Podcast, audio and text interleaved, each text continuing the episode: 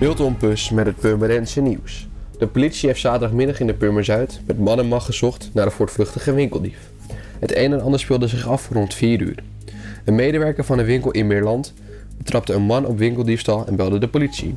De dader wist via een raam te ontsnappen uit de winkel en vluchtte. Diverse eenheden van de politie snelden naar de Purmer Zuid om de man op te sporen. Het was uiteindelijk dankzij de inzet van een politiehelikopter dat de man kon worden aangehouden.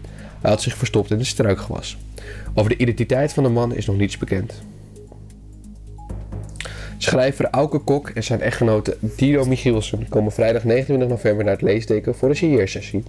Kok signeert dan zijn biografie van Johan Cruijff en zijn vrouw signeert haar boek Lichter dan ik.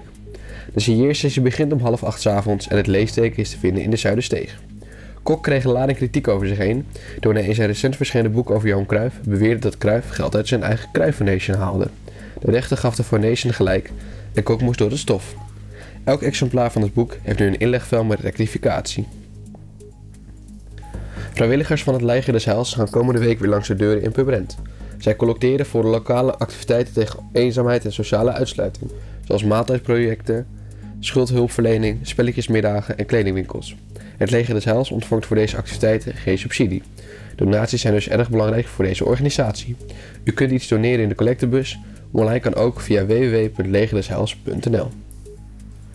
Voor meer nieuws, kijk of luister natuurlijk naar RTV Purmerend, volg je onze socials of ga je naar rtvpurmerend.nl.